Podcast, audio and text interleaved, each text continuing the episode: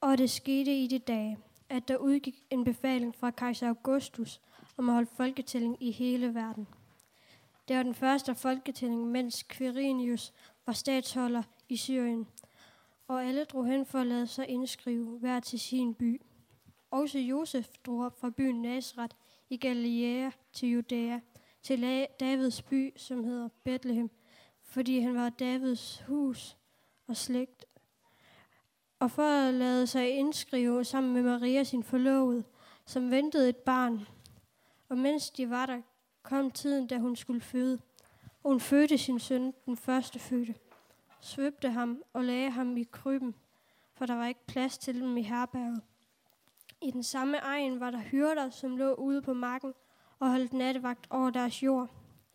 Der stod Herrens engel for dem, og Herrens herlighed strålede om dem, og de blev grebet af stor frygt. Men englen sagde til dem, frygt ikke. Se, jeg forkynder jer en stor glæde, som skal være for hele folket. I dag er der født jer en frelser i Davids by. Han er Kristus, Herren, og det der er tegnet i for. I skal finde et barn, som er svøbt og ligger i en krybbe. Med et var der sammen med, en, med englen en himmelsk herskar, som lovpriste Gud og sang. Ære være Gud i det højeste på jord, fred til mennesker med Guds velbehag.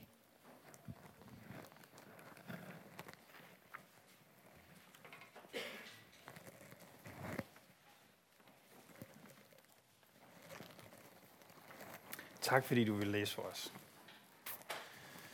Jeg vil gerne fortælle jer en historie om en øh, ganske, ganske usædvanlig juleaften. Den fandt sted den 24. december, mærkeligt nok, i 1914. På det tidspunkt, altså for lidt mere end 100 år siden, der var det, man kalder Første Verdenskrig, kun nogle få måneder gammel. Ved fronten i den her krig, der gravede soldaterne skyttegrave. De gravede sådan nogle lange gange i jorden. Og så var de der i de her gange, så skød de over mod hinanden. Og så en gang imellem, så løb de op og prøvede at erobre hinandens skyttegrave. På den måde så mistede Europa en stor del af en hel generation af unge mænd. Millioner af unge mænd i de følgende år. Den 24. december 1914, der stod de her unge mænd altså i en skyttegrav. Og der var en pause i de, i de evindelige bombardementer der ved fronten. De her store drenge, som de var, eller unge familiefædre, som de var, de var blevet lovet, at de ville være hjemme, inden det var blevet efterår. Men nu var det juleaften, og de lå i en skyttegrav med lopper i håret, mudder og lort til knæene og udsigt til død og død og død. Og så skete der noget helt uventet. Visse steder på fronten, hvor engelske og tyske soldater de lå over for hinanden i skyttegrave. Pludselig om aftenen, der slog englænderne, englænderne alarm, for de kunne se, at der blev tændt lys langs de tyske skyttegrave. Og nu tænder vi nogle lys her, imens jeg fortæller videre. Så bliver der tændt nogle lys her langs den her lille front, ikke fordi vi skal bekrige hinanden. Men englænderne så, der, hvad var det for nogle lys, der blev tændt her? Og de var på vagt, og de kiggede, og så så de noget helt vildt mærkeligt. De så, at fritzerne, som de kaldte tyskerne, de blev kaldt for fritser alle sammen. Fritzerne, de tog juletræer frem og stillede op. Den her tradition med juletræer kommer fra Tyskland. Tyskerne elsker juletræer. Og de havde så taget juletræer med selv i skyttegravene. Og pludselig så var den her mørke og kolde frontlinje blevet forvandlet til kæder af levende lys og juletræer. Og så begyndte der min sanden at lyde sang.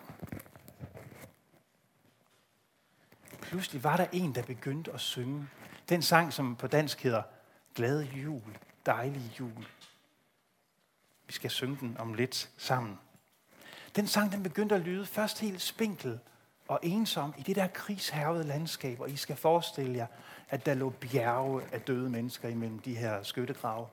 Og så begynder den her sang at lyde midt i mørket og stillheden og kæder af flakkende lys. Og flere og flere af tyskerne begyndte at synge med. Og da de var færdige, hvad gjorde englænderne så? Tommierne, som tyskerne kaldte dem. De klappede og hudede. Og så begyndte de at synge en sang. Den var ikke helt så from som tyskernes. Men de sang en sang, og da de har sunget den, så begyndte tyskerne at synge den sang, som vi på dansk kalder En rose så jeg skyde. Og pludselig, pludselig, så var der en soldat, som trådte op af skyttegraven og sagde, skyd ikke. Vi skyder ikke, hvis I ikke skyder. Forestil jer lige det. I månedsvis havde de slagtet hinanden. Og så er der pludselig et menneske, der stiller sig op og siger, vi skyder ikke, hvis I ikke skyder. Og tøvende, så var der nogle britiske soldater, der begyndte at kigge op. De kom helt op af skyttegraven. Og lige pludselig, så stod tyske og engelske soldater, der var i en bitter krig med hinanden, og hilste på hinanden imellem deres skyttegrave. De udvekslede cigaretter og håndtryk, og der opstod en helt uventet og forbudt julefred der ved fronten i 1914. Det er en sand historie. Jeg kan læse om den i historiebøgerne. Officerer på begge sider af fronten, de blev enige om dagen efter, at det må være tid til, at vi begraver nogen af vores døde. Og der blev sågar spillet en fodboldkamp som tyskerne efter sine selvfølgelig skulle have vundet 3-2. Det her er en af de mest usædvanlige julehistorier, jeg kender. Mange steder dagen efter, ved fronten, der holdt de julegudstjenester. Og hvis englænderne øh, ikke lige havde en præst ved den front, så lånte de der bare en tysk præst. Og hvis tyskerne ikke havde en, en præst, så lånte de der bare en engelsk præst. Og selvom det er helt fantastisk at stå her sammen med jer i dag og holde julegudstjeneste, og det er det, så tænker jeg, at det alligevel nok må have været et højdepunkt for en præst at stå der mellem to fronter og holde julegudstjeneste. Julefreden her, den holdt nogle steder flere dage. Men generalerne på begge sider af fronten var rasende og sendte nye officerer til fronten for at få genoptaget kampene. På begge sider af fronten her, så skød soldater de kommende dage op i luften, fordi de kunne ikke skyde dem, de lige havde stået og holdt jul sammen med.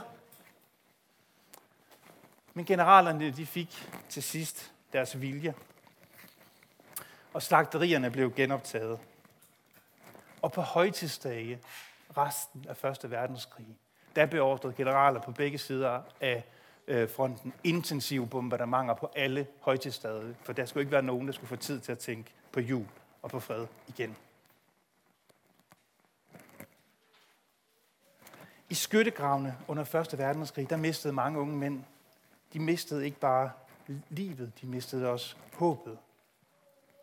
Håbet om en bedre verden. Håbet om fred. Håbet om, at der findes en Gud. Håbet om, at der findes noget godt. Og når vi ser på den nød og den sorg, som også er i vores verden i dag, og de udfordringer, vi står med som mennesker, både dem, der er, har ramt os helt tilfældigt, og dem, vi har skabt for os selv, så kan vi godt spørge, er der noget håb for verden? Har vi noget at håbe på? Historien om julefreden i 1914 viser, hvordan det her lille barn i krybben i Bethlehem kunne skabe fred midt i en redselsfuld krig. En fred, som hverken kejser eller generaler kunne finde ud af at skabe. Og også i dag, til os kommer det til os, at der findes et håb, som vi kun finder i den stald, hvor Guds søn kom til verden som et menneske. Gud, han havde håb nok for verden til at lade sig føde ind i den. Og han kom til os på den mest forunderlige måde – som et lille barn. Han kom til verden som et lille menneske for at kalde på os. Ligesom et lille barn kalder på os. Selv de hårdeste og mest rå og øh, ufølsomme mænd, de bliver jo blide og følsomme, når de står der med et lille barn i hænderne. Det er vi nogen, der har oplevet på nærmeste hold.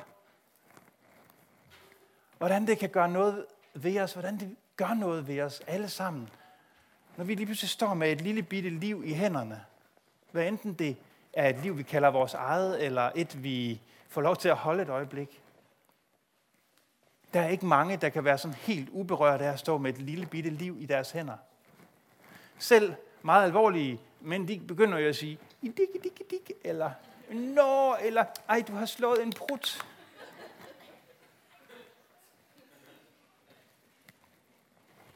Det gør noget ved os.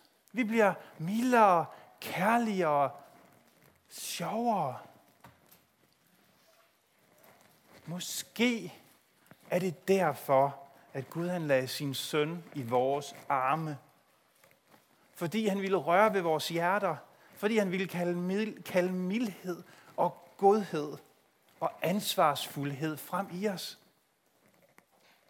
Fordi når vi står der med et lille barn, så siger vi jo, der skal være håb for den her verden. For det her liv er kommet til verden. Der skal være håb.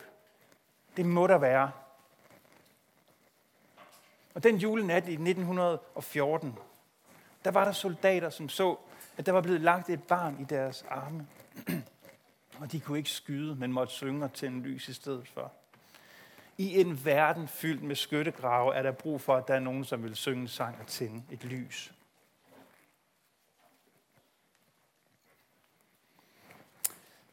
Jeg kom til at sige, at det nok måtte være et højdepunkt for en præst at holde julegudstjeneste mellem skyttegrave. Jeg tænker, måske er det i virkeligheden det, vi gør nu. For verden er stadigvæk fuld af fjendskab og frontlinjer. Mellem nationer, mellem mennesker, mellem os. Måske er dit liv i kaos. Måske er tingene ikke gået, som du havde drømt om. Og vi kan som soldaterne i skyttegravene den jul i 1914. Vi kan have brug for at finde våbenhvile i vores liv. Vi kan have brug for at finde fred med hinanden, fred med livet, fred med Gud. Og i vores arme, der bliver der den her nat lagt et barn. Og i modsætning til, hvad der ofte er plottet historien i, i tv-kanalernes julekalendere, som nogle af jer måske har fulgt. Hvor mange har set øh, julekalender i år på tv? Ja, det er der mange, der har. Det er nogle sjove og nogle fine historier. Men der er plottet jo tit, som regel næsten, at der er et eller andet, som forhindrer julen, og så er der nogen, der skal klare det. Der er nogen, der skal overvinde nogle forhindringer, for at vi kan holde jul.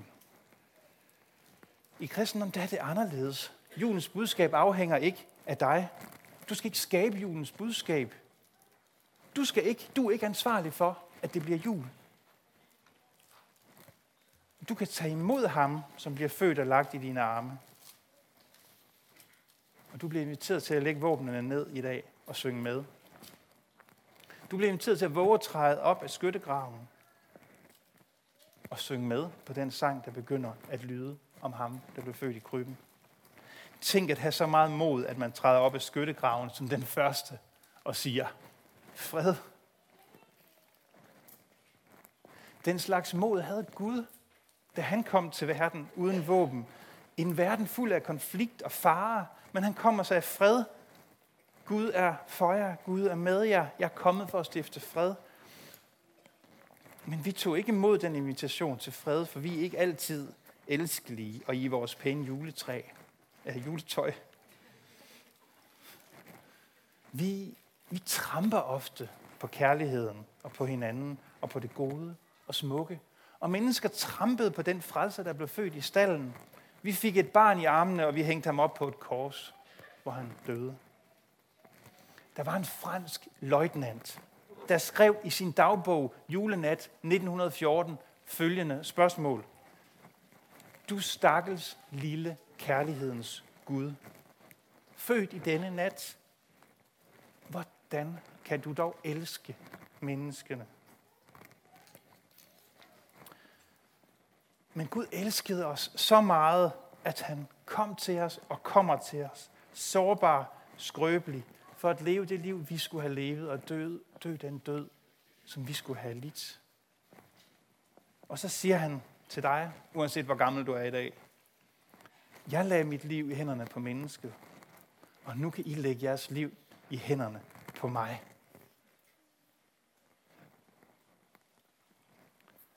For julen handler om, at der er født en frelser for alle de ikke elskelige. For alle dem, der kæmper med livet og med hinanden. Og håbet består deri, at der ikke er noget mørke, som Jesus ikke er gået ind i. At der ikke er nogen skyttegrav, han ikke kan løfte os op af. Og der er ikke nogen død, han ikke kan kalde os ud af. Og at vi fra den her dag, hvor Gud selv blev et barn, må kaldes Guds børn. Og at vi er det. Glædelig jul. Lad os bede. Herre hvor Gud, vi står over for en aften og en nat, som du har gjort hellig. Den her nat begyndte at lyse, da det sande lys brød igennem og oplyste hele verden, og vi tænder tusind julelys på den her dag. Og vi beder dig om at tænde dit lys i os. Tak fordi du havde håb nok til at komme til verden. Tak fordi du kom med glæde og fred og godt nyt til alle os, der har brug for en frelser.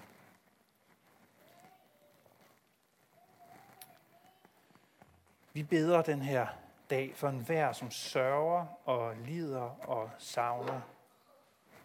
Vi beder for børn og voksne, for hvem julen kun er en påmindelse om alt det, der er gået galt i deres liv. Vi beder for dem, der hører julens budskab midt i en stormfuld og svær tid i deres liv. Vi beder for alle, som har mistet en, som de elskede og som de savner den her jul. Og i vores hjerter, der nævner vi stille deres navne for dig.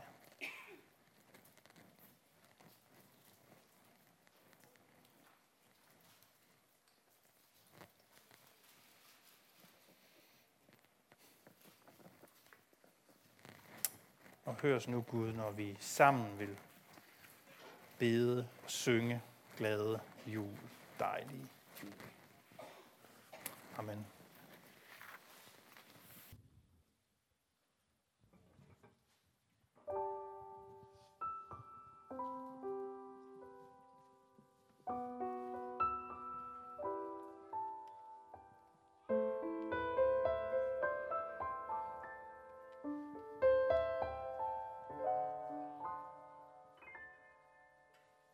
Let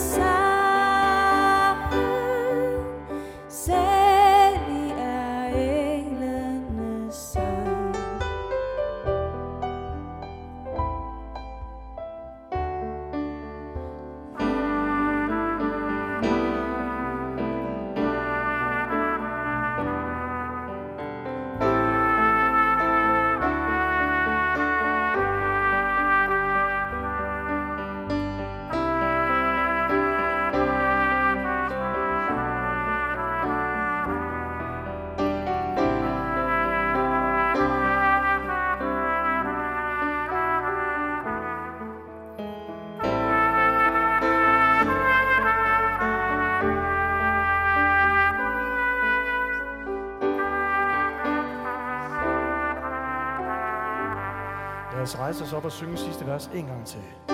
Selv